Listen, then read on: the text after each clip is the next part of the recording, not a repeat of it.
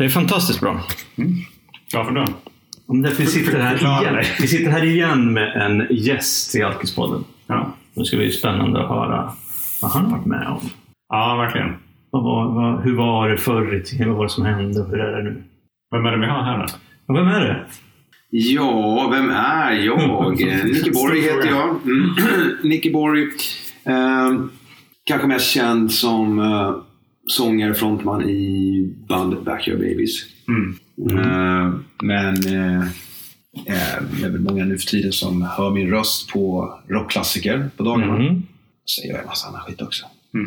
Men eh, ja, det är väl det. Men det är inte därför du är här. Nej, det är inte därför jag är här. jag är här för att jag är en beroende. Mm. Oj.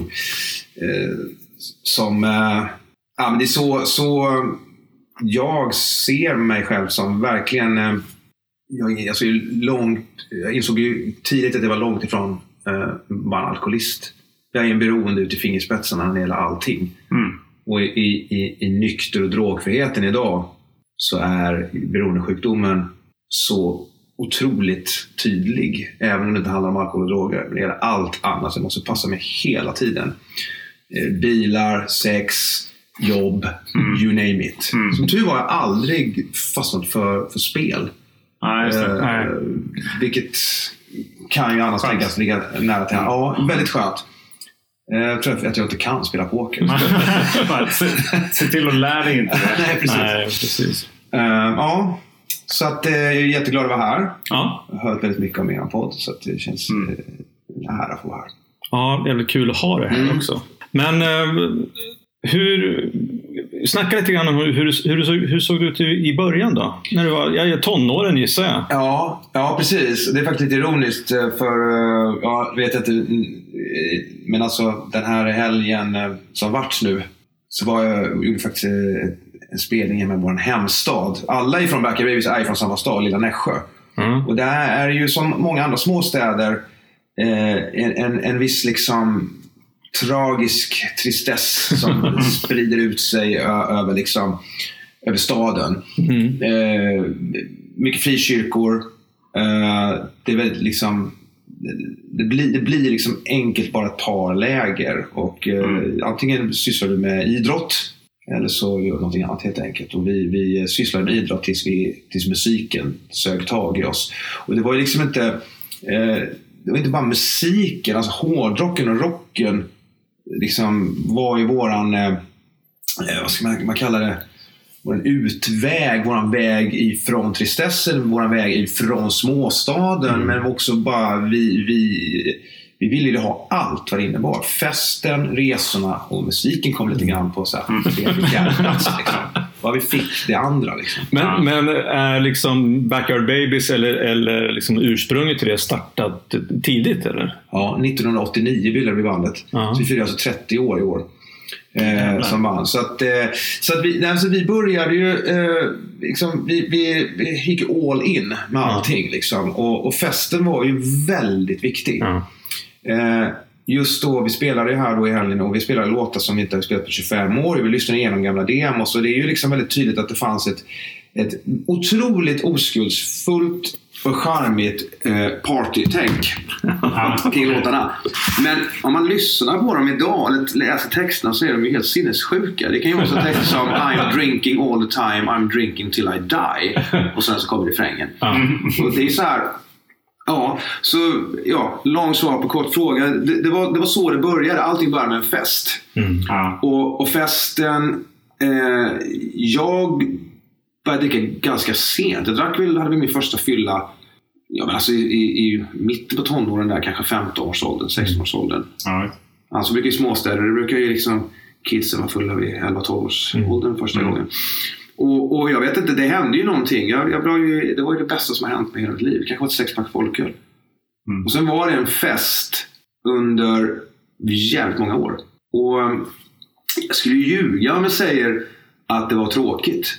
Jag skulle ljuga om jag säger att jag ångrar allt. Ja. Eh, jag ångrar faktiskt inte speciellt mycket överhuvudtaget. Mer, mer än vi säkert kommer återkomma till här massvis med gånger under samtalet. Eh, de gånger man, man verkligen har sårat eh, människor runt Mm. omkring sig. Man verkligen har förstått i efterhand att man har gjort folk illa. Ja, Det är ju naturligtvis inget man är stolt över. Men eh, eh, och, ja, en viss självdestruktivitet också. Men nej, men så började det. Sen, tonåren och sen så var vi ju ganska snabbt insåg jag att Nässjö räckte ju inte till. Vi skulle ju ta världen liksom. Vi ville ju åt festen i LA som jag hade sett liksom, våra förebilder. Vi ville åt strippklubbarna, vi ville åt liksom... Ja, vad hade, jag tänkte just att, just att det var hade. Är, jag, jag ser bara framför Ja. mig alltså Jo, men Tommy vi, Lee Ja, men du vet, vi växte, liksom, det här är 1989, Ja. tänker jag liksom.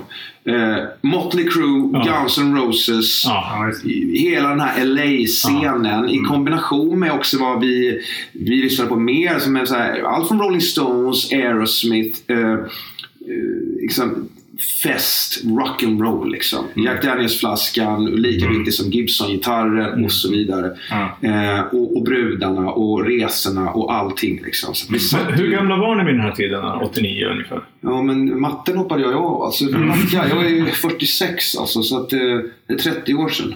De 16? Ja, Ja, så Ja. precis där.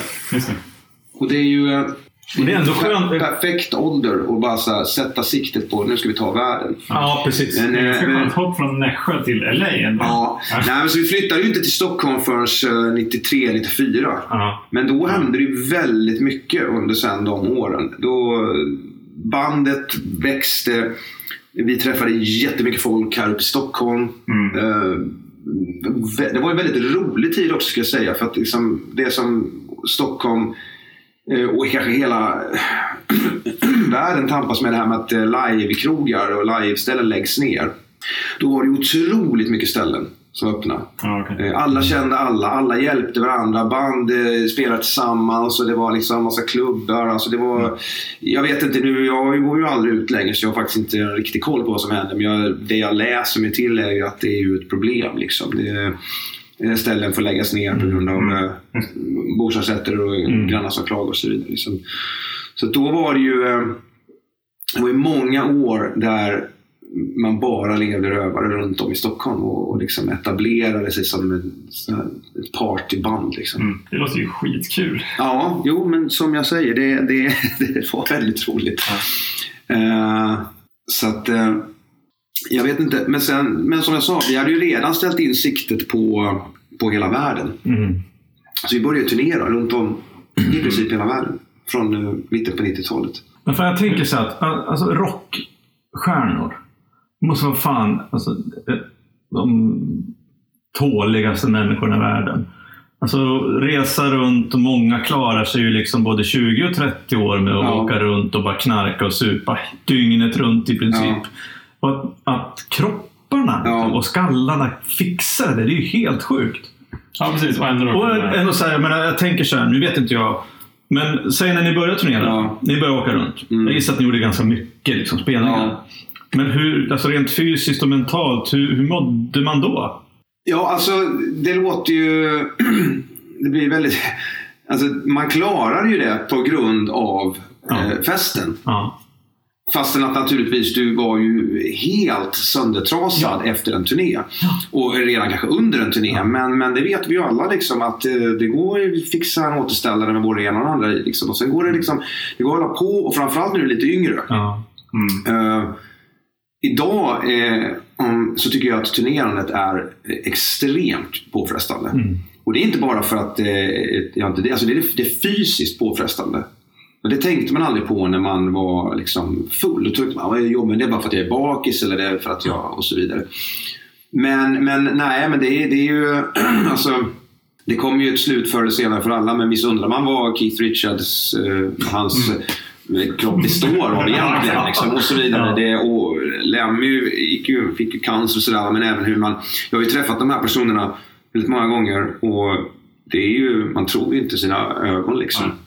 Hur en kropp kan tåla mängderna av Blir substanser. den, liksom, blir den konserverad kanske i alkohol? Ja, ja, ja, ja. ja, någon, Jag har en, eh, faktiskt, jag, jag tror inte det är helt, helt eh, vit och cyklar där. Jag har en, en eh, bekant som var hon startade alla de här klubbarna i LA där Guns N' Roses och Motley Crue började spela på. Mm. Eh, en, en väldigt rolig, nu äldre dam som heter Daily Gloria.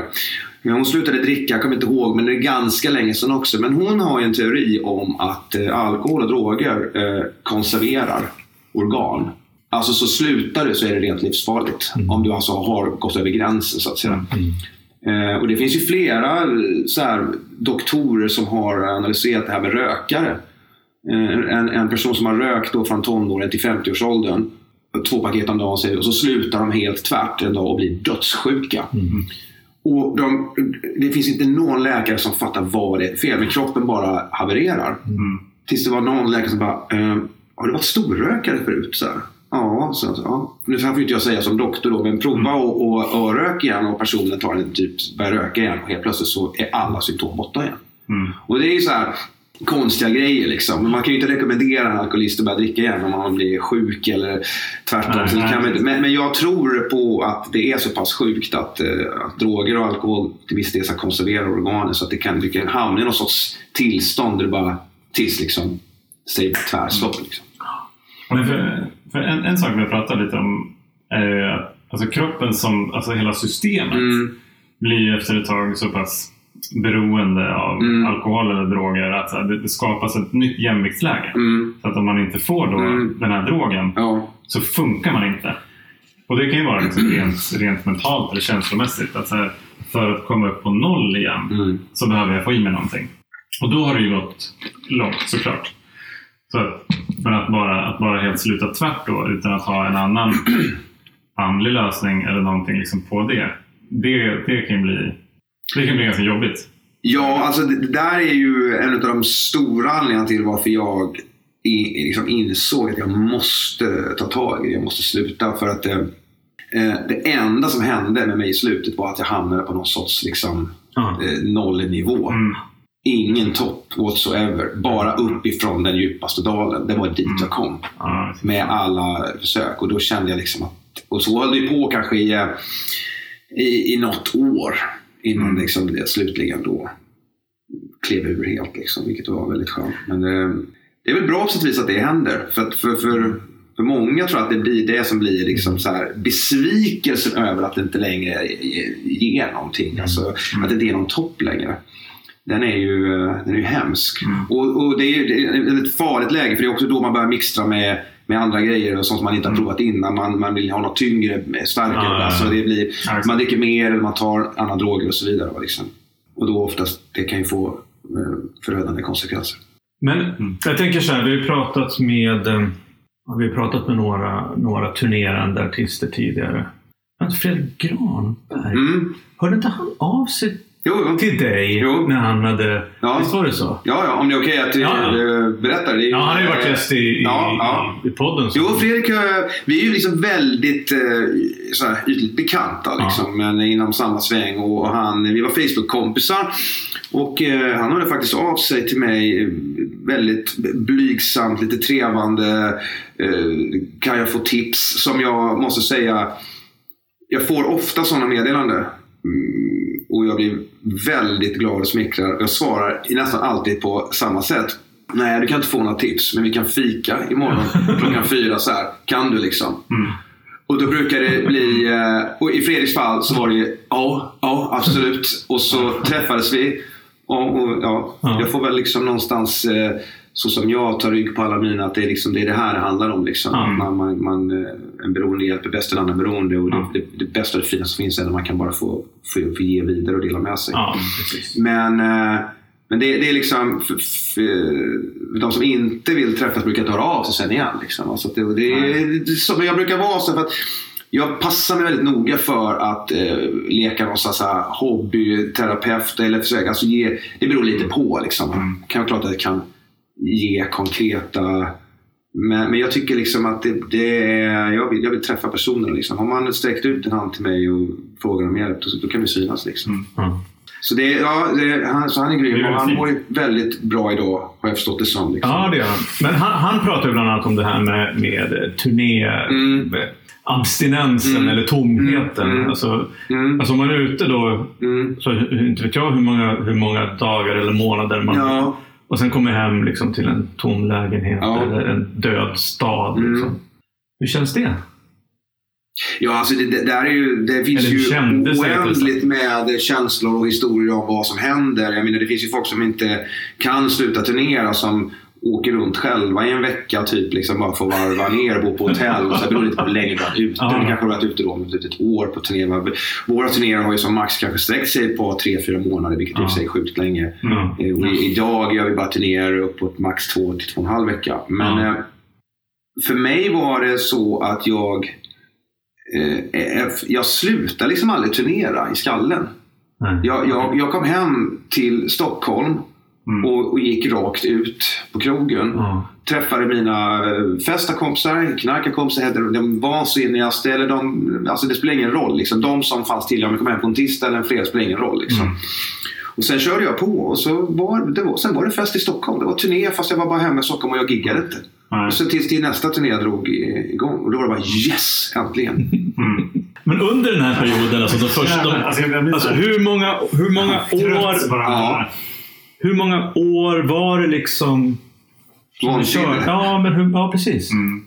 Ja, det, det är lite, det, jag brukar tänka på det också. Alltså det, det är också lite svårt. Man vill inte låta någonstans som man förhärligar, eller förskönar eller romantiserar eh, the past på något sätt. Va? Men, men jag skulle säga att, att nej, jag skulle ljuga återigen och säga att det var vansinne från dag ett. Det var det inte. Utan det var liksom man var yngre, man tålde fysiskt mer, psykiskt mer. Man hade en helt annan glädje över livet. Man, man var obekymrad över konsekvenser. Mm. Det blev inte så mycket konsekvenser. Nej. Till att börja med, jag menar, herregud, jag, de stängde av elen liksom, i, i min lokal där jag bodde. Liksom, så här, för en del kan man betala. Men liksom, det var bara så här. Oh, på, här, stearinljus då, så, får man väl försöka fixa och så sätter på elen. Ja, Mm. Det, då har det ju varit så här. alltså, så menar, det, det är bara sådana, enkla små grejer som man, man liksom någonstans var helt bekymmerlös över. Mm. Eh, men jag skulle egentligen säga att vansinnet, det riktiga vansinnet var inte så länge tack och lov. Utan det var just i kanske ett par, tre år. Mm. Det här vansinnet och, och mot slutet av det då var jag liksom bara ensam. Mm. Eh, eh, då- När, när du kom hem? Ja, då, inte utan, då åkte jag eh, direkt ner antingen till min eh, replokal, en studio eh, och bodde där, gömde mig, knarkade och söp och, och tittade på porr själv. Typ, liksom. Mm. och, och försökte skriva svåra låtar. Liksom, och var så här, eh, otroligt Mm. så här, så här, tragisk på något sätt. Fast så här, liksom, ja, konstnärligt tragisk. Liksom. Svår. Så här, högar och kokain och, och Jack Daniels och eh, ner porr. Liksom. Mm. Ja. Ehm, så att det... Nej, vansinnigt var inte så länge. Men det är klart att det beror ju på. Allt är ju relativt. Det, det, det, det som är skillnaden med att, att vara i ett turnerande band eller syssla med jag skulle säga nöjesbranschen generellt och även krogbranschen. Det går ju väldigt mycket hand i hand. Jag bara ha- hade kompisar som jobbade på krogen förr. Liksom. Mm. Vi var vänner som förstod varandra eller kunde hålla samma takt när det gäller festandet. Det, alltså normen för vad som är vansinne, den är ju liksom helt utsuddad. Alltså i, i en kanske då normal människas fall så var det ju vansinne kanske från väldigt tidigt. Men i mina ögon började inte vansinnet förrän det började bli riktigt så destruktivt. Var det någonting som gjorde att det blev mer destruktivt? Ja, bra fråga. Det, ehm, nej, men jag skulle säga att det, det, det som gjorde det var att precis det vi började prata om, eh, kroppen vill ha mer. Mm. Alltså topparna började liksom så här eh, kapas. Ja. Eh, och, och jag hittade inte, hittade inte tillbaks till dem igen. Och Då, det, man tar ut svängarna liksom. Mm. Det- jag tog ut svängarna när det gäller allting. Liksom, eh, med, med sex. Var, liksom, jag hade liksom en, levde i ett förhållande under ganska lång tid av när beroendet var som kanske starkast. Mm. Och eh, den stackars personen liksom som fick stå ut med mig där.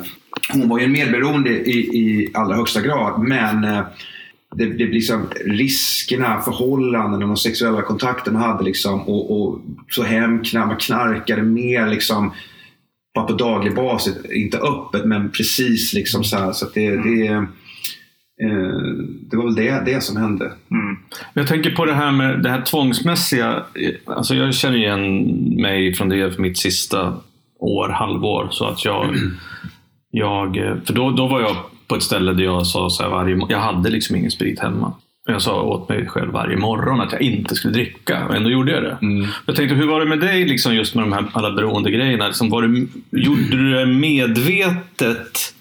Så här att du, du tänkte att nu ska jag göra det här. Eller var det liksom mer tvångsmässigt? Ja, också bra. Det är väldigt intressant att sitta och prata om det så här. För det, det är liksom mycket grejer man har både förträngt och som man inte riktigt har kanske ens analyserat någon gång i sin nykterhet. Eh, Jag ville nog dricka och knarka varje dag. Ja. och hade liksom kunde planera nästa drogintag, droginköp, drink, whatever. Det finns bra exempel eh, när jag försökte skärpa till mig bara för att vinna lite tid och mitt, den här personen jag levde då skulle bara lugna ner sig. Förstod att jag inte alls var alkoholist eller, eller missbrukare.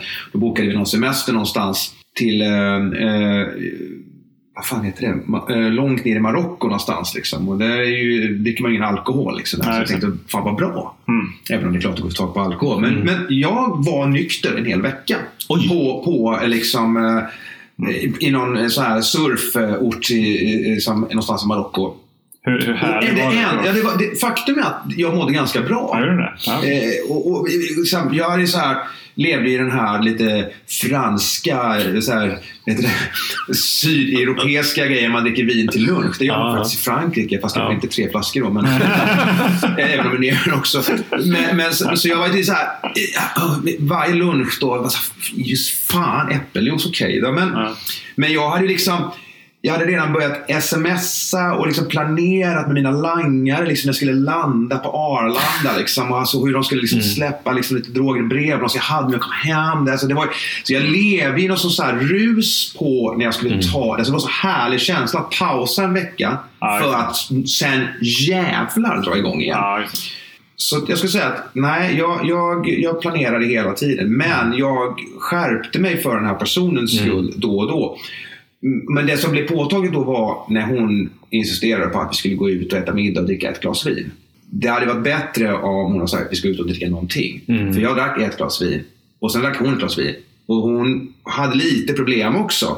Och sen var vi bara så men ska vi inte ta ett till? Jo, men vi skulle inte dricka. Ja, men alltså bara. Och så vidare. Och sen så var det ju klockan sju på morgonen så var jag ute någonstans i någon förort och handlade droger och så vidare. Så det, det, det där slutade alltid på samma sätt. Och så var hon, ja, skulle ta livet av sig i princip. Och det var liksom fruktansvärt.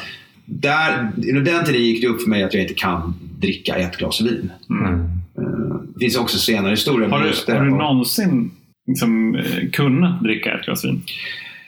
Bra fråga. Har du velat dricka? Ja, jag skulle komma till. Det, det som hände när jag precis eh, hade tagit mitt första trevande steg med en eh, beroendeterapeut och, och insett att jag måste liksom lägga ner. Då hade jag ju som så många Åh gud vad de skrattar de här terapeuterna. Alltså.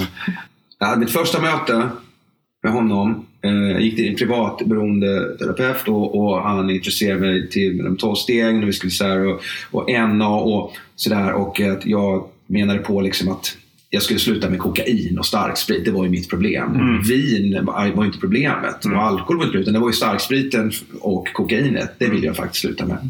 Ja, Ricke, så här, men vi kan vi ska liksom ta och klippa allt? Testa, alltså, jag tror inte. Ah, men det är lugnt liksom. Så här, jag, jag fixar vin.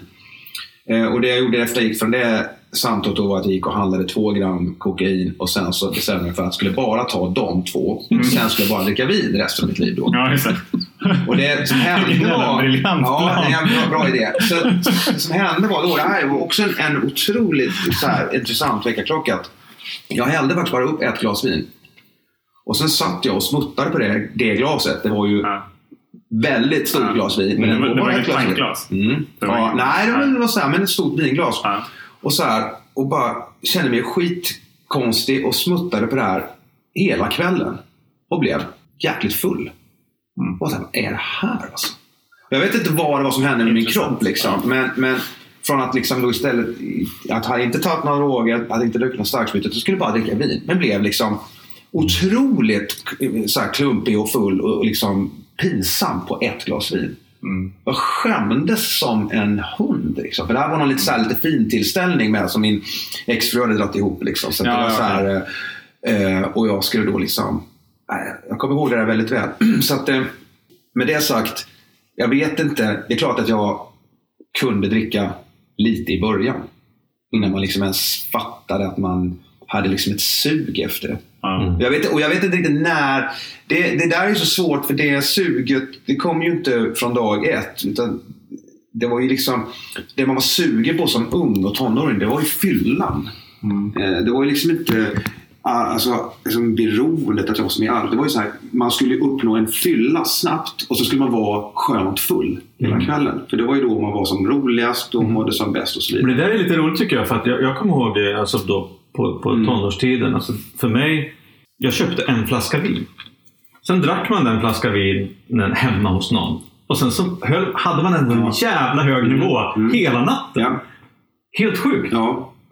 Det kanske tog en timme att dricka den här flaskan. För att, jag var inte så att jag svepte den heller. Men Vi hade ju inga pengar när vi flyttade till Stockholm så att vi gjorde precis på den också. Vi köpte eh, det billigaste tänkbara vinet på systemet. Ja. Och sen eh, så väntade vi och så, så drack vi den så lite lagom. Så vi tog sista tunnelbanan sen in till eh, Daily News Café i Kungsträdgården. Mm.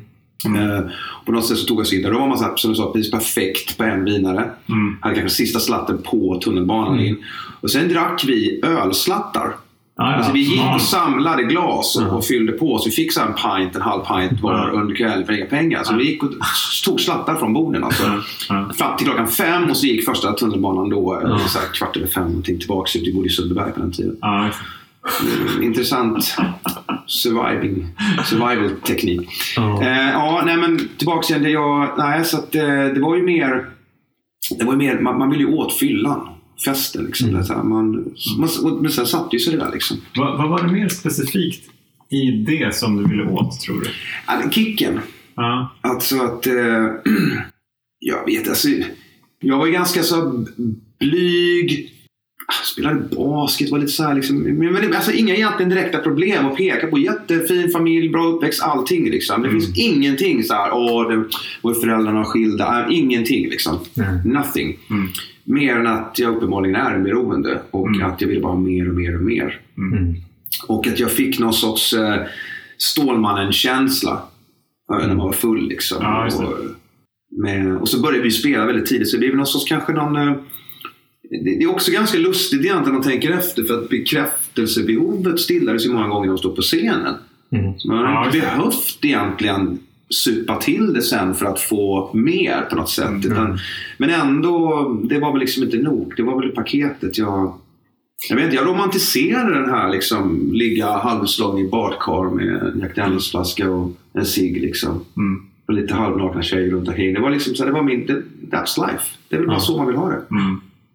Men uppenbarligen så lyckades ju du och ni prestera också. Ja, un, under de här Ja. eh, åren. Jag kommer ihåg, jag, jag hade en liten en väldigt blygsam karriär som, som popstjärna, för att säga, eller rockstjärna. Men jag upptäckte att jag kunde inte stå på scen med alkohol i kroppen. Så att där tog ju den karriären slut.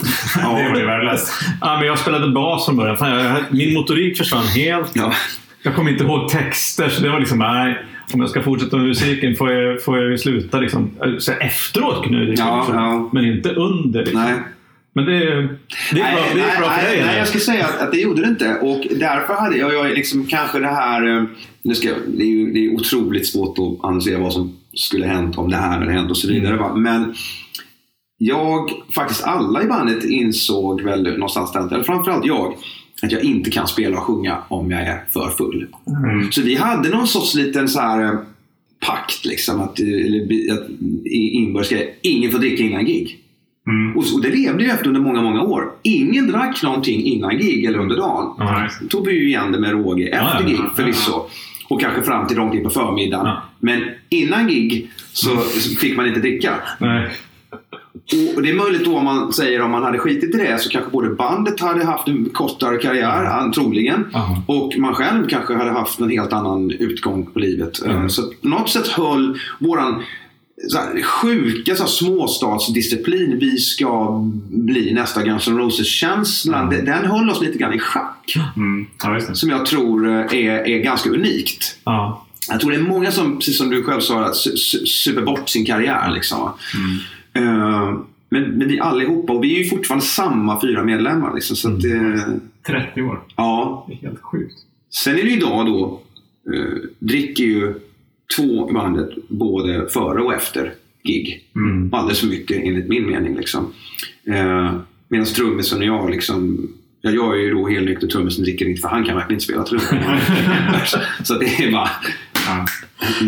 Men det är ju också så här man tittar på alltså, nöjesartister eller artister överhuvudtaget. Att det är så jävla många som klarar av att leverera liksom, Ja. påverkade. Ja. Och ganska rejält påverkade också.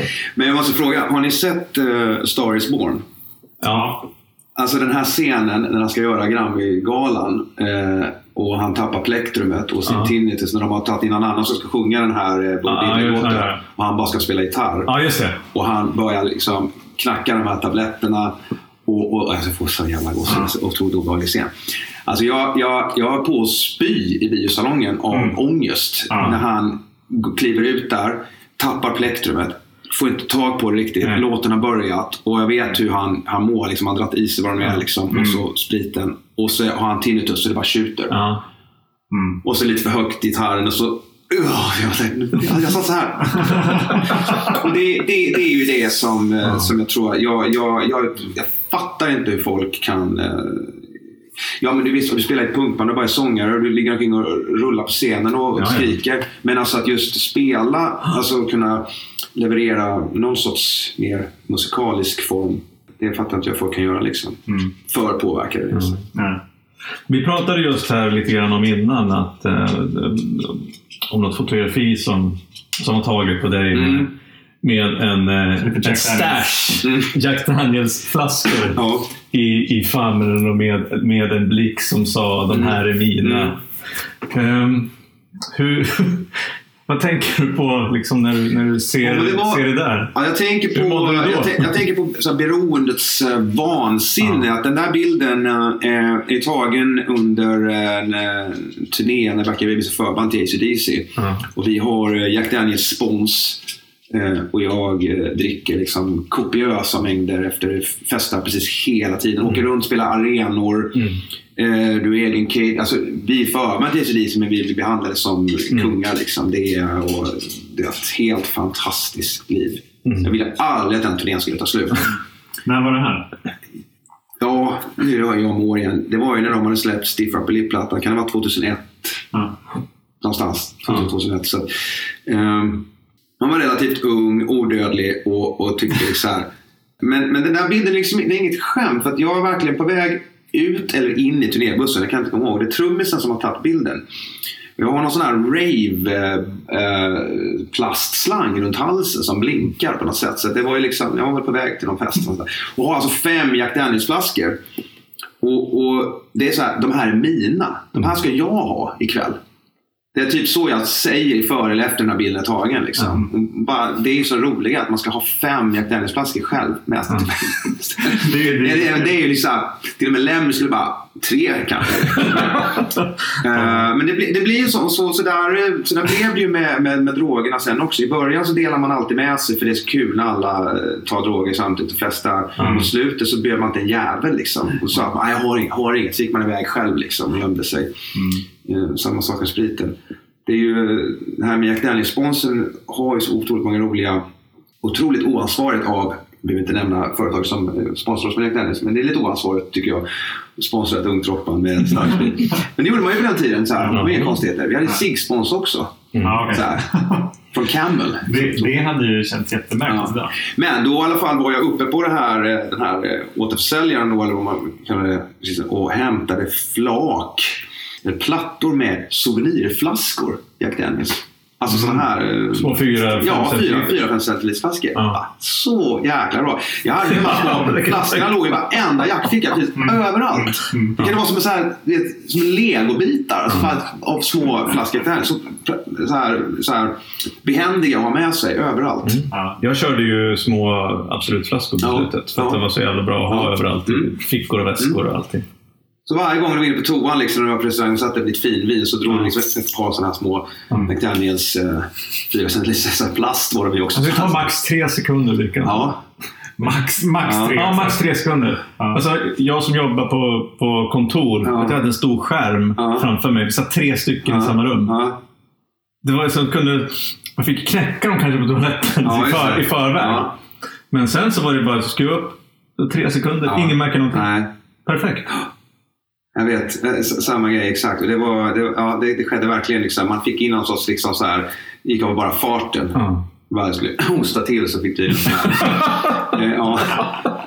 Ja. Ehm, ja, nej, men det, det var historien om den bilden. Alltså. Det, och som jag sa tidigare innan vi drog igång på den. Jag brukar ju göra det på eh, mina årsdagar. Eh, för jag älskar att dela med mig Mm. av det här. Eh, av olika anledningar. Men jag tycker liksom det är viktigt. Och det är viktigt att uppmärksamma årsdagar. För, för tid är, är viktigt. Mm. Eh, Det bor inom, inom A och N. Alltså vi, vi uppmärksammar ju våra årsdagar. Och jag tycker liksom ända sedan jag eh, kom i kontakt med Anna då. Bara, jag har alltid tyckt att det är en så otroligt fin eh, ceremoni. Och om man tar de människorna som man har sårat och gjort mest besvikna. För, för dem är ju bara tid det enda som gäller. Det spelar ingen roll vad du säger. Men nu är jag nykter. Mm. Ja, eller hur? Eh, Vi får väl se. Ja. Och då är bara tid det som kan visa att du faktiskt menar det du säger. Mm. Eh, även om Och på tal om det, för de som lyssnar, hur länge har du varit nykter? nu? Eh, 11 år. Mm. Eh, 16 augusti är min årsdag. så det är lite drygt det. Eller åtta. 2008. Eh, nej, så att... Eh, jo, då brukar lägga upp en sån här bild. Eh, ibland från helt, en helt vansinnig bild, som den här Jack Daniels-bilden. Eh, ibland en lite mer så findrickarbild för att också förklara att eh, jag hittade ju under någon del av min, min aktiva period ett sätt att eh, rättfärdiga drickandet. Genom att jag skulle utbilda mig till sommelier. Jag bodde bitvis i Frankrike på en vingård, så jävla hjälpte till och, och, och göra vin. Mm. Och, och, och hade liksom börjat så här, skulle bara dricka avec. Ja. Och bara liksom, sluta dricka Jack Daniels utan drack bara konjak under en period. Och såna här grejer. Liksom. Ja. Tänk, tänk, tänkte du liksom inte någonstans liksom, under den där perioden när du var på väg mot liksom, sommelier och avec, liksom, Mm. att det var bara ett svepskäl för att kunna dricka? Jo, det, det, jag tror nog att det, det slog mig. Men alltså, Ja. jag tyckte ju att det var också så förbannat gott. Alltså. Det kan väl liksom... Jag sa det i början kanske lite grann att oh, man, jag saknar kanske lite grann att dricka vin till den här goda biffen. Men idag vet fan när man gör det riktigt heller. Alltså, ja, alltså, visst, det är väl svårt att säga liksom. Mm. Det känns otroligt främmande och, och, Mm. och, och långt ifrån min verklighet idag. Eh, så att... Eh, Hur gick det med sommelier? Ja, men det gick ju naturligtvis inget bra. Men det är lite kul för att jag... jag, jag Nej, men det var ju fantastiskt också. Vilket, nu, nu eh, mådde inte den här eh, tjejen så jättebra heller, så vi var ju väldigt dåliga för varandra. Men eh, vi var ju mycket nere på hennes föräldrars vingård i, i södra Frankrike. Och alltså, jag, hade ju, jag stod ju liksom drack mer eller mindre ur tappen. de Här, Mm.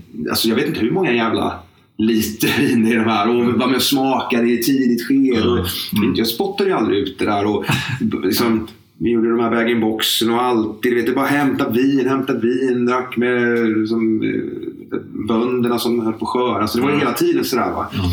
Mm. Eh, och, så, och så hade jag alltid starksprit i någon kyl inne in, in i en vinkällare. Det fanns liksom, då hade jag alltid också starksprit, alltså med sån ren vodka eller någonting. Så att mm. jag skulle gå och hämta nytt vin så var det liksom plup, plup, plup, plup, plup, plup, vodka. Och sen så upp med en ny vinare. Så att, eh, mm, okay det var, eh, det var väldigt mycket drickande på, på mm. liksom, daglig basis. Även när vi var i Frankrike och bara skulle egentligen softa. Liksom. Mm. Men hur såg det ut där den här tiden? Alltså, om man säger slutet på nedförsbacken där 2008 då? Vad, vad var det som hände som fick dig till slut att Det som, hände, det som hände var att jag... eh, Det var några grejer som hände. Eh, Dels det var jag varit inne och touchat på. Att jag kände liksom att det fanns inga toppar kvar längre. Nej. Men jag är en beroende ute i, Jag är liksom kicksökare. Jag älskar så här farliga sporter. Just nu håller jag på liksom, eh, så att det är på hästar, rider, ska liksom hoppa helt så här livsfarliga grejer. Liksom, och bilar, eh, you name it, allt. Liksom. Så det fanns inga toppar kvar när det gällde alkohol och drog, drogerna. Så att jag började liksom sakta men säkert bli så här, alltså, otroligt besviken och uttråkad. Och otroligt så destruktiv. Liksom. Och försökte hitta sätt att få toppen igen. Jag var vaken i tre dygn då. Vad hände då? då liksom? Ja. du vet, så här. Man Eh, bara pushar den ja. ännu, ännu längre. Ja, och, och jag började märka att, eh, vi också pratat om precis mycket upp här, att jag har så många projekt. Eh, musikaliska projekt, vad det kan vara, va, som var jättebra. Mm. Men jag kom aldrig till skott och jag märkte att folk runt omkring mig körde om mig i, i, i båda filerna. Mm. Både nära och liksom mer ytliga bekanta med liknande projekt och gjorde det jättebra. Mm. Och jag kom inte ens till skott. Så jag började bygga upp en otrolig eh, bitterhet och, och en, en så här, eh, du är helt jävla värdelös Ja, eh, gentemot mig själv. För jag satt liksom, jag hörde ju och såg att idéerna jag hade så var bra, men jag kom aldrig dit. Liksom. Och bara för att jag så här, precis när jag kan säga, äh, så gick jag till drogen eller alkoholen Mm. och så tyckte jag synd om mig själv. Och i, i, i denna veva så träffade jag min, min exfru. Och jag måste liksom ändå lyfta henne som en av de viktigaste personerna i, i, eh, i min nykterhet. För att hon festade ju inte i, i närheten av så som jag gjorde. Men vi var kära och, och hon lät mig hålla på Mm. eh, under en tid och då levde jag också i sorts dubbelförhållande. Men sen skrev hon ett brev till mig. Hon hade nämligen en, en, en son. Mm. Och, och det var eh, otroligt obehagligt att komma i, komma i kontakt med ett barn. Jag har inga egna barn. Mm. Varför var det obehagligt? Eh, för att barn är så, så, så rena. Fyra år barn som tittar dig i ögonen Mm. när du är påställd och full. Mm. Och, och typ säger bara med blicken. Du är obehaglig, du är ju full, du kan inte läsa Bamse för du sluddrar. Han heter Ja. inte Skallman, han heter Skalman Mm. och så vidare. Och så vidare. Ja, just det. Eh, så det liksom började byggas upp, allt det jag sa, byggas upp väldigt mycket, otroligt mycket skam Mm. i kroppen. Och sen eh, eh, så sa hon till mig i ett brev att eh, du håller aldrig käften i mer än en sekund. Så jag kommer aldrig komma till tal om jag ska försöka säga till dig. Så du får det här brevet, läs det och begrunda det. Här är telefonnummer. För då hade hon eh, hjälpt mig komma hitta nämndemansgården. Mm. Och så här, jag vill leva mitt liv med dig. Eller jag, jag, jag vill att vi ska gifta oss och vi ska liksom så här, jag vill att du ska vara eh, bonuspappa till min son och så vidare. Så här. Men jag tror att om du håller på som du gör nu så kommer du dö inom en snar framtid. Mm. Och, det är, och den där liksom, du kommer dö inom en snar framtid. Och att, för jag var jättekär i henne. Jag ville verkligen. Hon var så här, wow. Mm. Eh, och det här med att hon hade en son. Jag insåg att här- kommer inte jag kunna, här kommer inte jag kunna leverera. Det finns inget sätt att slingra så här. Det här går inte. Mm. Nej. Så jag gick där. Det här var ju då eh, början på 2008. Gick hela sommaren med det här eh, Ove Högman på Nämndemansgården heter den här Mm. äldre härliga mannen. Hans telefonnummer i fickan. Mm. Morgon ringer jag. Mm. Morgon ringer jag. Och sen ringde jag ändå. Mm. Drack du den perioden också? absolut. Det var lite så här, jag kände på mig att nu är slutet nära. Så Ja, ja. jävlar. Mm. Eh, så då tog jag tillbaks lite grann det här. Eh, eh, slutade gömma mig hela tiden i, i, eh, i replokalen. Eller så här, utan Mm. var lite mera... Det var ju sommar också. Liksom, och så här, sista sommaren med gänget. Ja. Eh, faktiskt, om man ska... Ja, jag inte ens tänkt förrän jag pratar om det nu, att det faktiskt var så lite grann. Och sen var det liksom en, en konstig augusti där alltså. Det var faktiskt i Göteborg. Jag gick hem ifrån min kompis fest. Kokainet hade tagit slut. Spriten var på upphällning. Klockan var sju på morgonen. Solen stod uppe, liksom, fåglarna kvittrade. Jag går genom ett ganska så här, tomt Avenyn Mm. i Göteborg. Känner bara, äh, det här är fan, det suger ju det här. Alltså. Mm. Och det var den 16 augusti Ja, okej. 2008. Hade du ringt då eller ringde du då? Nej, då hade jag ringt alltså. Så Ja. då hade jag redan haft ett möte. Men då hade ju den här idén att du skulle bara dricka vin. Och, Ja, men det. så, här, så, att, eh, så tvärslutade. Eh, blev helt, fick liksom, och det här var en ganska sjuk grej. Jag fick liksom för första gången på många år en kick av att säga att jag har slutat. Ja. Alltså jag, fick en, jag fick en fysisk kropp. Jag blev skitsjuk under lång tid. Det tog jättelång tid innan jag fattade att det var eh, eh, en long cold turkey. Ja. Jag var bara så här, fan vad jag har halsfluss alltid. Ja. Så här. Eh, men jag fick ändå en kick av det. Eh, dels att säga det. Mm. Att bli liksom militant, aggressiv mot alla andra människor som röker och dricker. Och eh, Blev det det? ja, jävligt jobbigt. Ja. Men hur kommer du sig, hur, vad, vad, tror du, vad tror du att det beror på? För jag, jag, jag, det här är ju ett av de här mysterierna som vi försöker gräva i. Liksom. Hur fan, vad är det som händer när man går ifrån förnekelse liksom, till förändring? Ja. Och liksom just det där att... Vad, fan, vad tror du att det var som hände med dig? Alltså visst, att man måste sluta, det är ju en grej. Det kan man ju tänka Ja, sig. Men alltså, att man det- det faktiskt ju- gör det och sen bara fortsätter vara ren och nykter. Alltså det är ju när konsekvenserna blir ohanterliga skulle jag vilja säga. Och det är ju, det, nu låter det som att jag bara läser inom eh, rakt av från våra texter. Vi har alla känner till. Va? Men, men det är ju någonting med just den när konsekvenserna blir ohanterliga.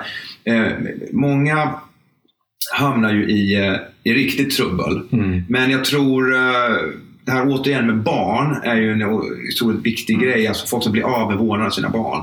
Det måste kanske vara det värsta eh, som får många att liksom verkligen nu jäklar sig själva till. Men, men jag vet inte. Är, har, du, har du någonting innanför för pannbenet så är ju alltså att, att leva i, i skam liksom, och känna det, det är ju det värsta som finns. Alltså man mår ju så jävla dåligt. Och sen är det ju tillfälligheter. Att, jag, jag, jag ska liksom ge min exfru all cred, men hon var ju liksom en, en språngbräda utan dess like med hennes son. Då, då. Eh, och extremt supportive. Mm. Jag, alltså, un, under, jag hade ju... Jag drogs ju med så otroligt mycket eh, tics och tvångstankar Mm. i, i, i mitt första nyktra år. Så det är Ja. fan helt sjukt. Vad kan alltså. det vara? Ja, det, det kan vi ta en helt separat till. Alltså, det, det, men, det kan, alltså, och just, men jag menar bara att hon stod ut med detta Ja. och var otroligt. Det är också väldigt viktigt att du inte blir någonstans förkastad av samhället. Nej, som den, där ex-knarkaren. För det, då är det jättenära till hands att ingen förstår mig, ingen så här Mm, bla bla. För det är en där är du, så, du är som ett litet nyfött barn. Mm. Lite liksom nykläckt kyckling bara, som kan bara mosas så här. Mm. Om du inte passar dig. Eh, så, jag, så jag tog ju rygg på, på, på henne och hennes familj. Både hennes föräldrar, hennes bror. Alla var så otroligt supportive. Mm. Och fick ju liksom mina egna föräldrar som var ohyggligt besvikna. eh, Liksom, så här, eh, när det uppdagades allt det här. Liksom. Eh, Så fick de också liksom någonstans att Kom igen, Micke behöver liksom inte Åh, vad fan, hur kunde du? Utan snarare nu liksom. Mm. Eh, det är, är en sak att kapa det här, men man har ju liksom dragit på sig eh, väldigt mycket konstiga tvångstankar. Mm. Allt från Gud, alltså, jag får så mycket flashbacks när vi pratar om det här. Jag blir helt varm. Men du vet så här. Jag borstade inte tänderna. Eh, när jag gick av för att jag var så rädd för att borsta bort det sista kokainet eller liksom det jag hade kvar på tungan och tandköttet och så vidare. Va, liksom. Så det sista i påsen och glömde sig. Och så hade jag inte om mig själv att, eh, för jag hade gått till tandläkaren under många år som ändå hade sagt så här. Mikael, du rätt bra tänder. Jag bara, ha! Jag visste att kokain var bra för tänderna. Gick jag och sa till mig själv. Tills det kom så här, fan vad dåliga tänder du har. Efter, det, som, det hade ju bara frätt. Och, och så. Ja. För då gick jag och sa till mig själv att om man tar lite kokain av tandkött så är det som att borsta tänderna. Ibland kan man också vara lite småhög när man sover. Liksom. Eh, kunde inte gå inomhus i strumpläst. Jag var tvungen att ha skor eller tofflor. Jag du vet, eh, duschade eh, så här, hela tiden. Så här, frenetiskt. Liksom, eh, var, alltså, bara massa konstiga tvångstankar. Mhm. Som jag sakta men säkert försökte medvetet jobba bort. Men sen fasades det ut också. Mm. Och att då ha någon i det läget som inte bara ditt jävla psycho. Mm. Det, det är ju det är få förunnat. Eller det är viktigt. Men, Liksom. för, men de, kom de tvångstankarna liksom eh, mer när du blev nykter? Nej. Nej. Och, och jag har många gånger också försökt så analysera om, om det har varit tvångstankar som har funnits sedan dag ett eller om de kom i, eh, i missbruket eller om de eh, liksom förstoras upp och eskalerade under missbruket. Jag har faktiskt inget bra svar på det. Mm. Eh, det kan ju vara grejer som du har på med sedan du var barn. Liksom, Ja, som sen bara tog en helt konstig vändning i, Ja. i, i missbruket. För det kan också vara grejer som det kan jag uppleva med mig själv, att jag får syn på saker om mig själv i nykterheten. Ja. Som jag inte riktigt varit medveten om. Nej. Men som då Josefina, min fru, har varit tillsammans i tio år, som ju hon har levt med i tio år. Ja. eh, som jag märker kanske först nu. Ja.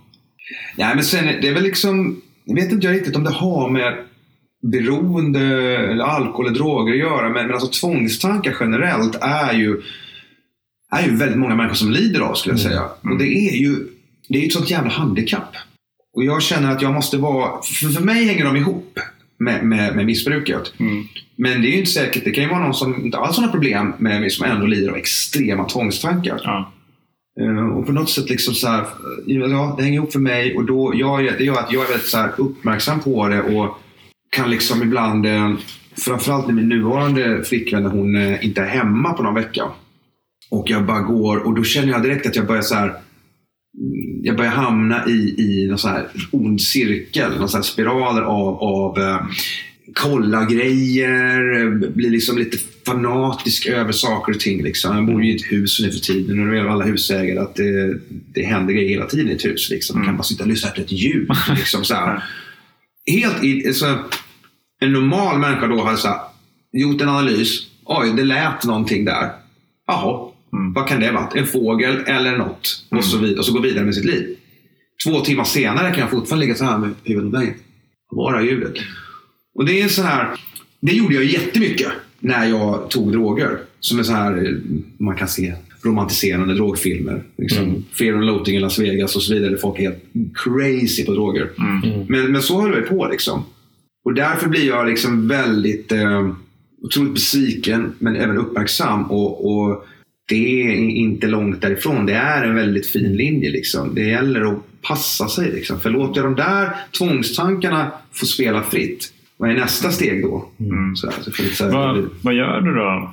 Om du skulle liksom hamna, om du skulle få någon sån tvångstanke nu? Ja, det är det jag önskar att jag hade ett mycket bättre svar på. Jag, jag, jag tvingar mig själv ur det. Jag, jag har ju... eh, Det är bra att vi kom in på det. Jag har ju sedan ganska många år tillbaks och genom en av då eh, hittat min, eh, min högre makt. Alltså. Och jag, för mig är det, ligger det väldigt nära till hands att be till Gud. Alltså jag, är, jag är troende idag eh, på det sättet att jag tror på, på en högre makt. Jag kallar den högre makten för Gud, för det känns enkelt för mig. Jag försöker gå på gudstjänster, jag försöker vara nära andliga rum.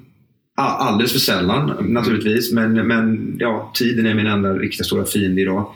Eh, Så jag, så jag ber till Gud. Jag ber till Gud hela tiden. Säkert 10-50 gånger om dagen. Eh, om att hjälpa mig och befria mig från dittan och dattan.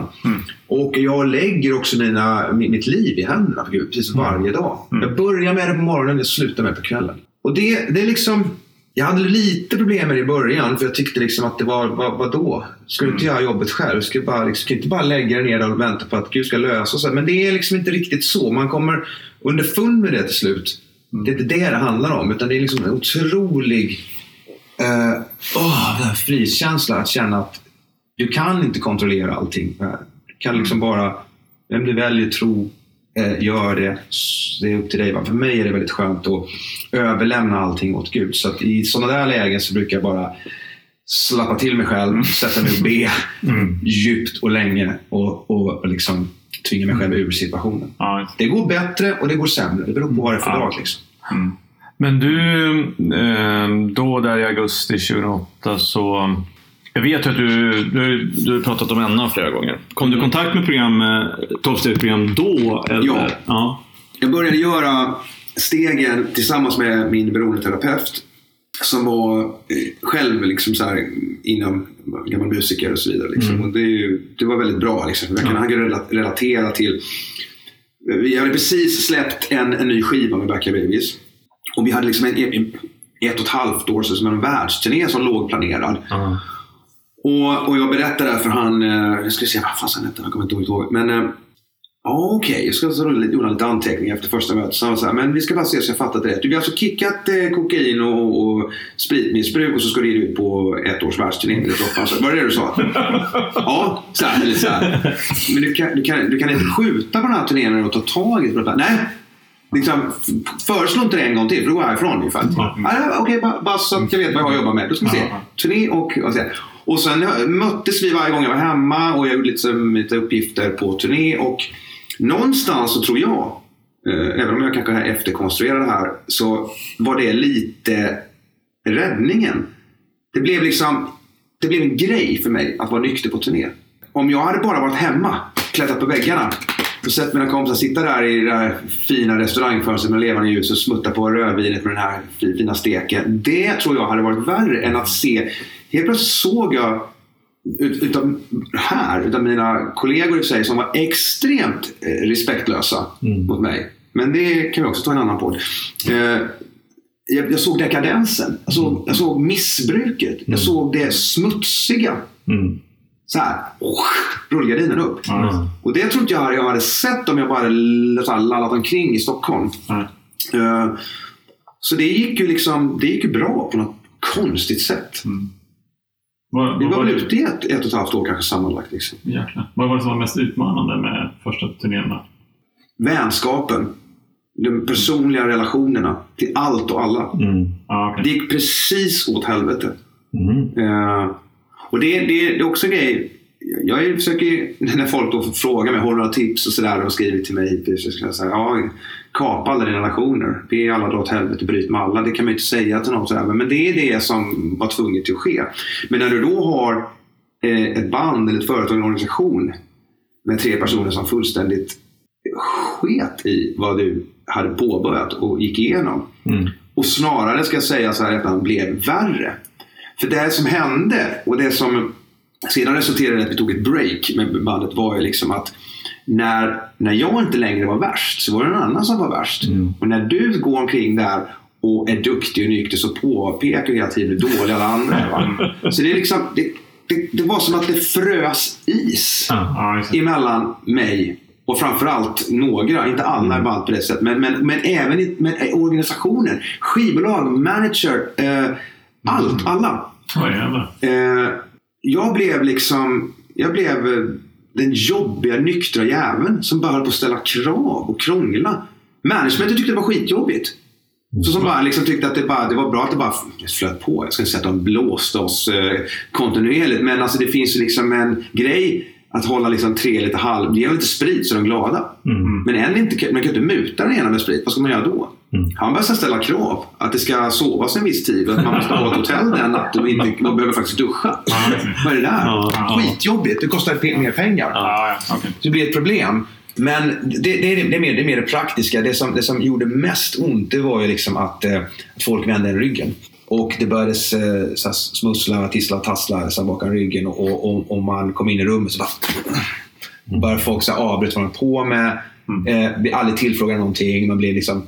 Det låter som mobbing i skolan, men det är lite likt det. Det blir, så här, det blir utfryst.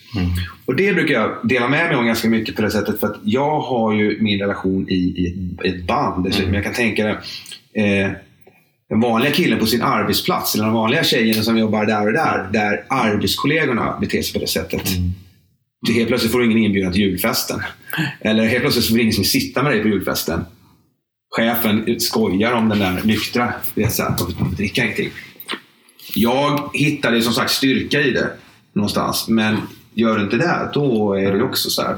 Nej, det, alltså det är lätt om man, när man har, har fått lite tid och blivit lite hårdhudad och kanske lite van att säga så här. Men ja, men det är väl bara att tänka på sinnesrobönen. Liksom, att, Ja, men jag kan väl ta ansvar för min del i det här och försöka att inte bry mig om... Ja, men det är inte så Nej. jävla lätt när Nej. man är i det på det sättet. Kan jag tänka mig.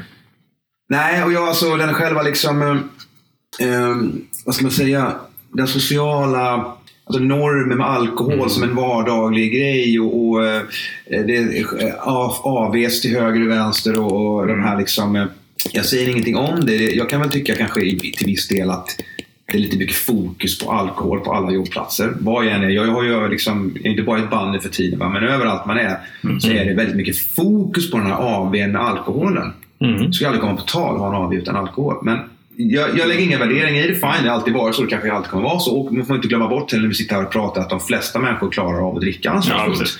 det är viktigt att poängtera också De, de som nu kan dricka en eller två öl Ja, och sen är det och, slut där. och, och då är ju många gånger också alkohol jättetrevligt liksom, Mm. för, för, för dessa människor. Liksom. Det kanske, jag menar, jag skulle vilja hävda att människosläkt skulle dö ut utan alkohol också. För folk inte vågar ta kontakt med det motsatta könet. Och helt plötsligt så har vi, alltså om man ska hårdra det. Ja. Eh, även om det kanske inte blir så många just barnjord den första natten. Men ändå, det är så här. Men, men där, där, alltså, där kan jag så lida med människor som väljer nykterhet men inte har riktigt så här känner sig stora och starka liksom, står emot det här grupptrycket. Liksom. Det är så otroligt oansvarigt. Eh, att, eh, jag, går, jag gick liksom också i början med flit ut på väldigt mycket så här kändisfester. Eh, för att liksom stålsätta mig. Jag vet inte varför jag gjorde det egentligen. Så här, bara äventyrade min nykterhet men också för att någonstans pro- provocera mig själv för att bli liksom är starkare det. kicksökaren det också? Ja, att jag fick en Ja, kick av lite grann Ja. också.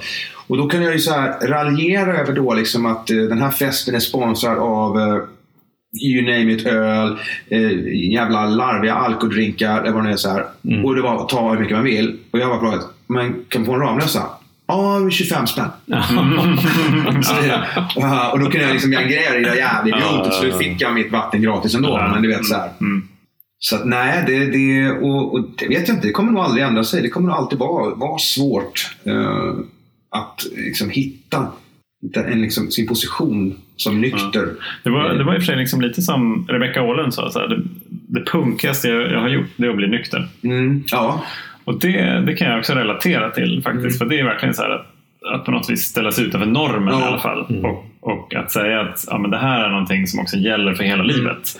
Oavsett Ja. vad, vad, ni, vad du, du eller ni gör så kommer det här vara ett beslut som jag står bakom. Förhoppningsvis hela livet. Men, ja. eh, och det är ju verkligen liksom att ställa eh, båda fötterna utanför. Mm. Ja, jag, tycker liksom, jag tog ju rygg på... Eh, som tur var så hade jag liksom förebilder i... i eh, jag också gjorde en grej om det här, eh, just det här fantastiska bandet Motley Crue. Som så älskade och hatade av alla. eh, Nicky Six, då, basisten, har gjort en väldigt häftig resa.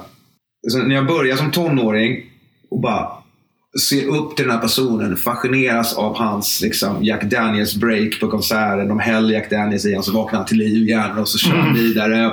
Och det bara liksom är så full on dekadens under Motley Crues stora del av deras karriär. Tills han eh, blir nykter och drogfri. Och sen gör han en megakarriär av det. Eh, entreprenör, radiopratare, författare, fotograf, soloprojekt, you name it. Så att liksom samma person och, och det blev liksom... Jag träffade Nicky Six i, eh, i 2009. Det här är min första liksom, eller andra året nykter. Ja. Och, och jag fick hans e-mail till slut av en gemensam bekant. Och han, han sa så jävla coola grejer. För att vi skulle göra en turné tillsammans. Vi skulle göra fem, sex datum i Europa. Så jag tyckte liksom att det var så jävla fräckt att gå på NA-möte med Nicky Six sen någonstans i, i, i, uh, ute i Europa. Liksom, mm. När vi ska turnera ihop. Men han är liksom alltid lite så här sparsam i sina svar. Men han sa yeah cool, cool, yeah well, I see you like in a few months. But you know, when two addicts talking, it's a meeting. Ja. Ja, jag ska ha eget möte. Fan vad hårt. Och så satt vi och snackade lite så här Ja. någon, någon eftermiddag. Säkert bara fem minuter, Ja. men ändå.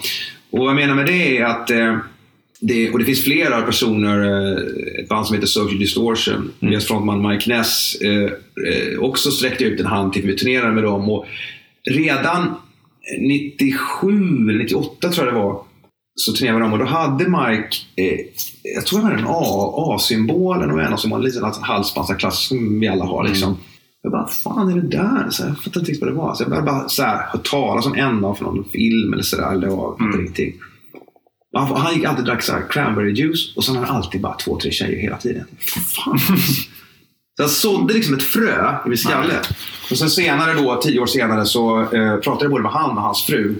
Christine Marie som också var super supportive liksom, i, eh, i mina val att bli nykter drog. För de var så här, det här kommer vi fixa. Liksom, bara, Ta en sak i taget, the first things first. Resten kommer lösa sig. Liksom. Ja. Se till att bli nykter drogfri.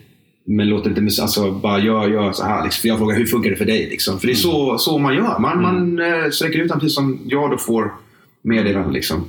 Så utan de här personerna så också hade det varit, eh, kanske, eh, det hade varit lite mer eh, svårnavigerat. Jag fick så här tydlig bild av att precis. de fan fixar det. Mm. Vilken kick av det. Liksom. Men det som, är, det som jag tycker är häftigt också, det är ju alltså, i och med traditionerna i, i de, jag menar alla tolvstegsgemenskaper, just det där att, att dela med sig. Och att, att det faktiskt, eh, dels som du vittnar om nu, att, att om du är någon som vill ha hjälp av en annan eh, Ja. tillfrisknande missbrukare eller beroende så, så får du oftast Ja. det. Men som du säger, att du, jag träffar gärna någon som Mm. behöver hjälp. Och du är med här och du liksom berättar om att, att eh, och det är ju att du har pratat med andra som du har sett upp till. Mm. Och det är så det funkar. Ja. Och det är, det är det som jag tycker också är så jävla häftigt. Att många säger ja till att vara med här. Mm. För att vi vet vad det betyder. Ja. Och, och du som lyssnar där ute, om du inte har fattat det nu, så, så här, repetera bara. Att många som är nyktra och tillfrisknade idag, de säger ja liksom. Ja. Om, om, om du frågar, om du, vill, om du får snacka med folk. För det, det ligger i vår natur nu för tiden Ja. att hjälpa andra människor. sitta och försöka analysera det du säger, men det finns, liksom, det, finns inget, det finns inget egoistiskt någonstans i utan det är bara ett sånt stort eh, behov av att, att få bara liksom hjälpa till och få dela med sig av det du själv har hittat och det du själv har fått hjälp. Ja. med. Ja, exakt. Och det, jag, jag, jag kan inte förklara varför man får den känslan i kroppen. För du skulle kunna nämna precis vad som helst annat. Så här. Uh, kan du vara med i vår matpodd och ge lite recept? recept på det? Nej, jag har inte tid med det. Alltså det, det, det, ja. Ja. Nej, men jag kan inte nog eh, understryka det där med att det, det, det, det är viktigt att vara transparent och, och ta rygg på folk. Jag tror det kan vara viktigt i början. Liksom, så. Men jag tror att det, det är det som från första början i tolvstegsgemenskapen, så här, vi kan bara behålla det vi har fått genom att ge bort det. Ja. Och det, jag tänkte så här, fan det verkar så jävla orimligt liksom, på något vis. Men, eh, men, men det är sant. Ja. Och det, det, är på något Ja. det, det är väldigt fint Ja. att det är Ja. så. Mm. För, för att det gör ju också att, för er som funderar på så här, kan man verkligen höra av sig och så vidare. Jag gör det för att eh, när vi får ett mail till Alkispodden till exempel. Mm. Det, är, det, är liksom, det är få grejer som slår det. Ja. Jag bara, va? Här kommer det någon Mm. som har lyssnat på det här samtalet kanske och mejlar till Mm. alkispodden.gmail.com och, och kanske är liksom där, där man vågar ta steget. Ja. Och jag, menar, jag vet hur jävla rädd jag var Ja. för att ta det där steget. Ja, exakt. Och det var det jag sa. Jag gick omkring med det här telefonnumret i, i en hel sommar liksom, och fingrade på det så här. Hade det i fickan. Lappen bara skrynkligare och skrynkligare. Så Ja. jag knappt det stod på den. Liksom. Försökte tänka om det försvinner helt numret. Så. Ja. Eh, och då ska man också tänka, alla då som du säger lyssnar, att vad, vad vi är lyckligt lottade att bo i Sverige. Vi bor i ett land där vi faktiskt har otroligt mycket möten. Otroligt mycket liksom, väldigt upplyst. Även om vi som... Alltså, det, det, det, det finns väldigt oupplysta situationer också där man känner att man blir bemött med eh, total eh, nonchalans och oförståelse och vad det kan vara. Men eh, tänk att bo i delar av världen där, liksom du, där folk får åka 10 mil för att komma till ett möte och så vidare. Liksom. Mm. Just I Stockholm är vi ju fantastiskt bortskämda. Ja. Och, det är, det är, och jag har inte varit någonstans där jag, liksom, där jag blivit mött på ett annat sätt än med bara öppna armar och, och kärlek. Och det är väl det som gör att NA blir så, eh, ja, det blir så mäktigt på något sätt. Ja, Johan, har vi några frågor? Ja, vi funderar på om vi har några frågor. Vi har ju gått igenom väldigt mycket. En fråga, har du återfall? Nej. Nej? Eh, och jag lever ju... Litteraturen och texterna är ju liksom så inpräntade i skallen så jag, jag lever ju bara liksom väldigt mycket bara för idag. Mm. Eh, Men det är också lite för att jag vet att det är så. Jag är inte orolig för att jag ska trilla dit imorgon. Nej. Men jag är, jag är liksom, som jag pratade om det här med tvångstankar och sådär. va. Jag, eh, min tjej ska nu liksom resa bort i två veckor. Och jag är, är, är lite så här känner en viss ångest för att eh, det är inte det att jag ska gå till systemet och handla vin. Eller dricka upp eh, vinflaskor som faktiskt står hemma som vi har till bekanta ibland när de skulle, om de skulle komma hem någon. Utan det är snarare för att jag ska falla in i, i, i mönster. Som i sin tur leder till Ja. någonting. Som i sin tur leder till någonting. Va? Och jag måste liksom plocka fram alla verktyg i verktygslådan. Ja. Och, och, vad jag har. Va? Det. Och det kan ju vara lite ansträngande. Ja. Men, men samtidigt är ju eh, nykterheten en färskvara. Det är ju, du, du måste jobba med det på daglig basis. Så det är ju egentligen inget konstigt. Men eh, så jag brukar säga i- ikväll går jag och lägger mig nykter. Eh, med all säkerhet och kommer vakna nykter. Och, få, och antagligen blir det samma sak imorgon också. Men man vet aldrig för imorgon är en ny dag. Ja, Mm. precis. En annan fråga, vad, vad är de största utmaningarna i tillfrisknandet? Ja, intressant fråga. Jag skulle försöka inte svara med någon så här kliché som går på julfesten nykter. För det är ingen utmaning. Liksom. Så jag väljer ju bort väldigt mycket med flit. Liksom. Mm, jag, ja. jag, jag är ju så pass trygg och stark att jag avviker av när det jag känner. Mm. Det var väldigt viktigt för mig i början att skaffa en cool, tuff, stor bil. Okej. Eh, Det kom in på lite sidospår på den frågan, för det hänger ihop med det. För att det blev, eh, det är väldigt viktigt att ha en, en bakdörr öppen. Som du kan, liksom, som du vet att du har access till. Ah. Det skulle jag rekommendera eh, alla som, som ska ge sig i, måste gå på den här festen. Det måste vara i sammanhang där, där alltså se till att ha en bakdörr. Mm. Och, för, och i mitt fall så var det en stor vräkig bil. Jag kan köra över varenda jävel om de står i vägen. Alltså, för att jag, jag fick liksom en... Dels för att jag var nykter och kunde köra bil. Jag har ju alltid här, drömt om att en cool bil, men jag, skyllde alltid på att jag hade så här narkolepsi. Alltså, det var ju bara för att jag var full. här, Får inte honom hitta på knäppa grejer. Eh, så så det, det var liksom det var en väldigt viktig grej. Så bi, bilen liksom blev, blev en grej med att jag satte mig och körde. Det blev också så här en naturlig grej att jag inte drack för att jag körde Ja, lite just det. tidigare än de andra. Liksom. Men sen skulle jag säga att den stora utmaningen var, och det här är liksom en intressant grej. Jag träffade min eh, nuvarande flickvän eh, tillsammans några år här. Hon är ett, är ganska mycket yngre än mig. Och jag tänkte aldrig på att hon drack mycket när vi träffades. För att hon skärpte till sig när vi träffades. Mm. Men hon är från Finland till att börja med. Så bara kände jag, okej, Yes, träffa ja. hennes, ja, hennes föräldrar första gången. Så nu kommer de vilja få mig bara supa. Jag tänkte det var riktigt sådär. Vilket, de drack inte. Jag tänkte, är det någon som har ena finnarna som inte dricker? Ja, ja. Jag antagligen. Ja. Men hon blev liksom full några gånger tidigt i vårt förhållande. In, inte alls sådär, men liksom småfull liksom. Ja. Lite väl full någon kväll. Vi var, vi var i Spanien sådär liksom. Och, och jag, jag var bara såhär, hur fan ska jag hantera det? Så det, var, hon- det var inget jobbigt egentligen, men det var bara så här, det kom så mycket tankar i skallen. Hur liksom, jag kände, den värsta känslan var om det ska vara så här ofta. Får Ja, inte det här gå. Mm. Och det var en, en enorm utmaning. Hur ska jag eh, approacha det här problemet? Ska, ska jag, hur ska jag säga? Men, men, det som hände var att, eh, och det är det som är så häftigt, bara genom min lifestyle så inspirerade jag henne utan att säga ett enda ord. Mm. Jag typ har benämnt så här, om du skulle bara supa varenda kväll nu så kommer vi nog inte kunna vara tillsammans. Mm. Nej, hajar hon liksom så här. Men idag har hon varit nykter nästan ett år. Liksom. Hon dricker ingen alkohol. Hon är Mm. inte skitsugen på det. Vare sig hon hade problem eller inte. Liksom. Så att det är rätt coolt att man bara kan påverka sin omgivning genom att bara föregå med ett bra exempel. Mm. Titta Ja. att det funkar liksom. Men det där, jag, tänkte på det, jag tycker det är jävligt läskigt, eller har varit läskigt. Några sådana situationer med folk som har varit nära mig som har blivit verkligen på fyllan personlighetsförändrade. Ja. Som man vill bli Ja. Mm. på fyllan. Men alltså när jag har varit nykter under, under min nyktra tid så har jag också, jag tänkte det här, alltså jag har tyckt att det varit jävligt obehagligt. Ja. På, på, inte för att det var ett hotfullt Nej. eller något, men liksom, och precis som du säger, hur ska jag, hur, vad ska jag göra nu? Liksom? Mm. Vem är den här personen Ja. plötsligt? Och, och så, så, Ja, ja, ja. så tänker jag så här på Mm. alla de gångerna som jag har varit sådär för mina barn eller liksom familjen eller vänner och kompisar. Liksom, och så här, va? Det är en jävligt Ja, alltså- läskig upplevelse. Alltså. Jag ska inte prata utifrån ett sånt perspektiv, men en, men en, men en glad och oförändrad fyllskalle är ju att föredra till någon som är, blir, en, blir för, liksom, personlighetsförändrad och aggressiv. Ja, ja, ja, ja. Det Ja, ja. Man måste tvingas välja. Och jag har ju väldigt många, eller en väldigt nära personer som blir extremt Mm. personlighetsförändrade. Mm. Det är liksom som det bara slår över. Okej, nu, är det- nu är det den. Mm. Dr Jekyll and Mr Hyde. Liksom. Ja. Och det är precis som du säger. Jag, jag får så jävla ångest för att jag vet inte vad jag ska göra. Och det känns som att allt jag gör upplevs som provocerande. Ja, precis. Säger jag ingenting? Bara, Vadå? Ja. Säger jag någonting? Vadå? Alltså, och går jag, går jag därifrån? Stanna! Stannar jag kvar? Vad fan går det inte för? Alltså, det spelar ingen roll vad du gör. Så där, och det är fruktansvärt. Mm. Bara försöka att inte vara där när de här personerna blir sådana. Det är mitt enda tips.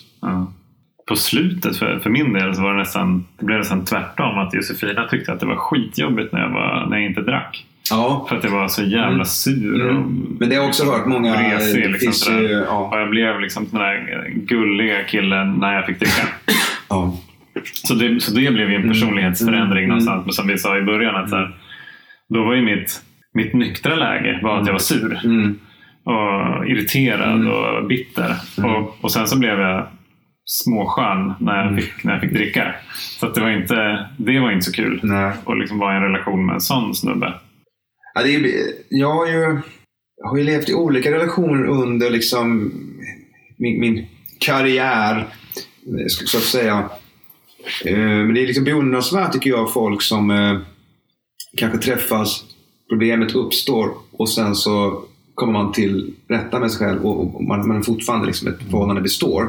Det är rätt häftigt Mm. alltså. Det Mm. tyder ju på att det tyder på att kärleken är ändå störst av allt. Att liksom, det, det, man kan, eh, att det är en sjukdom som går att behandla. Liksom. Man går och håller den i schack. Liksom. Det är jävligt häftigt att det inte ska förstöra allt. Att man kan, om man väljer och vill jobba med det Mm. så, så, kan det, så kan kärleken överleva. Mm. Det tycker jag är skithäftigt. Alltså. Ja, ja men det är, det är härligt för oss såklart. Ja. Sen, är ju, sen är ju livets på livets villkor varje dag, vare sig du är nykter eller inte. Liksom. Det, är, det är ju det är jävla liksom, pusslande och navigerande som det är. Mm.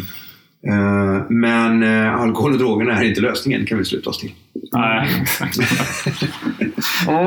det, är lätt att tro att de är det. Ja, Johan, sammanfatta det här nu. Vad tänker du? Nej, men jag tänker att det är, det, det är så häftigt att få, att få ta del av, av din berättelse. Ja. För även om våra liv har sett liksom helt olika Ja. ut. Jag har aldrig varit på turné eh, ever. Jag har inte varit Eh, förband åt ACDC. Nej, precis. Nej. Men liksom den här, eh, den här mentala besattheten Mm. är ändå typ densamma. Mm. Eh, och den, den tar sig lite olika uttryck beroende på vad vi går igenom. Eh, både i det aktiva och i det nyktra. ja. Och det, det ska vi liksom inte glömma. Jag tror det, det kan vi bara flika in här som sista grej eller mot slutet att jag, det är just våra möten vi går på. Eh, man, kan inte, man kan inte bedyra dem nog. Eh, och det går liksom inte riktigt heller förklara, inte ens när vi sitter så här eller, eller via en podd. Men just att eh, variationen av människor, bakgrunden, liksom, Mm, mm. sociala förhållanden, you name it. Det finns precis allting. Och jag var ju liksom, jag satt som en, en så här, gapare, alltså jag hade ont i käken på mitt första möte. Och var skitskraj för några som i sin tur tittade på mig som bara, "Vad fan är det här för jävla... Alltså, Ja, det. och så bara... Och idag är man liksom, det, bara, det kramas och man är... Man har aldrig, aldrig kommit på tanken att umgås med de här människorna eh, från ett annat håll. Nej, nej. Vi Nej, från helt, men, men ändå Ja. sitter de här personerna vecka efter vecka Mm. och, och delar med sig om det innersta. Fikar, kramas och håller på och har massa träffar och grejer. Liksom. Det, är, Mm. det är det häftigaste som finns. Alltså. Mm. Och får... Ålder, ålder liksom. Jag går ju Ja. på eh, mansmöten of, Mm. eh, ofta ska jag tillägga. Och för mig var det en, också en jätteviktig grej i början. I och med att jag hade så problem med, med sexuella relationer och Mm. grejer. Liksom. Så jag Mm. kände att det var sjukt viktigt att jag bara fick vara bland män och fokusera på mitt problem och inte fick något som distraherade mig. Men eh, nej, det är häftigt. Vad tänker du Roger? Jag tänker på två saker. Eh, Det första jag tänker på det är liksom den här ja, men ödmjukheten och, och eh, ja, men villigheten att, att föra budskapet vidare. Även liksom face to face. Mm. Och att eh, ja, men, ge tillbaks eller ge vidare det som, som du har fått. Liksom. Det är det ena. Och det tycker jag är otroligt fint. Och det andra som är så jävla skönt att höra också, det är ju, och, och, som är bra att prata om, det är ju det här med liksom, men andligheten och Mm. Gud. Mm. Och att lämna över saker Mm. och ting. Och för att det är, en, det är ett samtal som inte förs där jätte, Nej. jätteofta. Ja. Ja, vi har väl pratat om det en del i podden, men, men jag tycker att det är också jävligt fint att höra dig prata om det. Liksom, Ja. För det behöver fler säga, tror jag. Att, eh, att vi tror på att, att försöka släppa taget och lämna över saker till, till en kraft som är Ja, större än oss själva. Ja, alltså det, det sitter ju långt in hos, eh, hos vissa. Ja. Och, och för mig satt det väl både långt in och inte. Men, men jag, jag, som jag pratar om, jag upplever en enorm frihet att Mm. prata om Gud på det sättet. Mm. Och det är sällan jag känner mig så tillfreds som när jag är i ett andligt rum eh, under en gudstjänst eller i, i Mm. en kyrka. Jag brukar besöka varenda kyrkakatedral jag hittar ute i Europa och bara gå och vara liksom, i de här eh, Ja, rummen och få liksom en sån... eh, Ja, men det händer någonting. Det är Mm. mäktigt. Ja, det är mäktigt. Och, jag, jag, men det, och det, det, är, så viktigt att förklara för folk att man, man får liksom skapa sin egen. Ja, precis. Det är inte, eh, och speciellt om man kommer ifrån frikyrkliga Ja. förhållanden och eh, så vidare. Eller kanske går inom familjen eller man är från områden där det liksom, då, då kan det, vara, kan det sitta långt in. Alltså. Mm. Sen är det viktigt, precis som du sa också, det handlar inte om att släppa ansvaret över allting. Det är liksom, jag har ju ansvar för mina grejer. Men resten, kontroll. Försöka, alltså försöka Mm. liksom släppa taget. Nej, precis. Det alltså det här, det, jag, jag tänker att det, det är att ta ansvar. Att jag släpper taget om det jag inte kan kontrollera. Ja. För att då kunna liksom rikta fokus och energi till det jag faktiskt kan ta ansvar för. Jag brukar tänka idag också, för att jag vet inte, jag, jag, det kan väl inte kan inte vara någon som tycker att världen är speciellt perfekt idag. Jag brukar tänka på hur det hade varit om man hade använt idag. För jag har ju, som så många andra, en, en, en världsångest, en miljöångest, en, en eh, politikångest. Alltså man har ångest över hur... Nu har inte jag några egna barn och det är ju egentligen så här... Fan vad skönt, för då hade jag nog haft så fruktansvärt mycket mer ångest på hur ska det bli för mina barn i, i, i världen. Va? Men alltså då att om jag hade varit aktiv idag hade jag liksom använt alkohol för att döva, eller droger för att döva den ångesten också. Mm. Och då kan jag känna också att det är skönt idag att känna att jag gör det jag kan. Det gäller att, att liksom dra sitt strå till stacken men jag kan bara lämna över. Liksom. Ja, mm. Ja, exakt. Jag kan inte åka ner till Amazonas med en brandsläckare liksom så fysiskt. Men jag kan, alltså, du vet, jag kan bara lämna åt att det Mm. så. Mm. Det kan vara skönt. Det, jag menar, så många olika aspekter av livet att faktiskt jag använder det inte bara när det gäller mina tvångstankar och mina beroendeproblem utan jag använder det överallt. Alltså. Mm. Ja. Ja. exakt. Hantera livet egentligen. Ja. Det är det som är, tycker jag, det har ju vi pratat om många gånger också. Man får ju de här verktygen som jag har Mm. fått och den här eh, andligheten. Den hjälper oss ju inte bara när vi är i trubbel. Utan den hjälper oss ju liksom att hantera fan oss själva och, liksom, Mm. och, och liksom Ja. leva livet. Ja, exakt. ska faktiskt säga en, en lite rolig quote. Det var eh, min exfru som sa det också ganska tidigt skede. För att hon, hon var väldigt mycket på jakt efter någonstans att gå och få hjälp med, eh, med ångest och med eh, ja, dittan och dattan. Så här liksom, och hade väldigt svårt att hitta den typen Mm. av eh, grupperingar och det som vi har inom tolvstegsprogrammet. ännu. Så hon var så här, sa någon gång när hon var riktigt arg. Det är så jävla orättvist. Ska man behöva bli knarkare och sen Mm. eh, Ja, nykter för att få vara med i det här jävla ändamålet? Eller. Mm. Och det är lite intressant för att det, det, är, det är få förunnat sätt att, man, att det är en sån fin grej. Liksom. Så jag önskar egentligen att det kunde applicera det på, på mer, på allt. Ja. Ja. Mm. Så Nej. tänk på det alla. Ja, Nicke, har du några avslutande visdomsord som kommer att för alltid eh, skjutas ut i etern? Ja. No pressure. Nej, jag, jag, men jag, jag, jag, jag tycker det är väldigt viktigt bara att jag är med här nu idag. Man ger oftast intrycket i sociala medier, även om jag är väldigt transparent och en offentlig person, att man mår bra, man förskönar allting med lite filter, man, man, man, man lägger inte upp det liksom så här. Va? Så tycker jag att jag ändå gör, och det får jag väldigt mycket feedback på, eh, eh, visar på att jag har dagar där jag mår extremt dåligt. Mm. Jag, mår, jag mår egentligen, om jag ska vara ärlig, alldeles för dåligt för att det ska vara okej.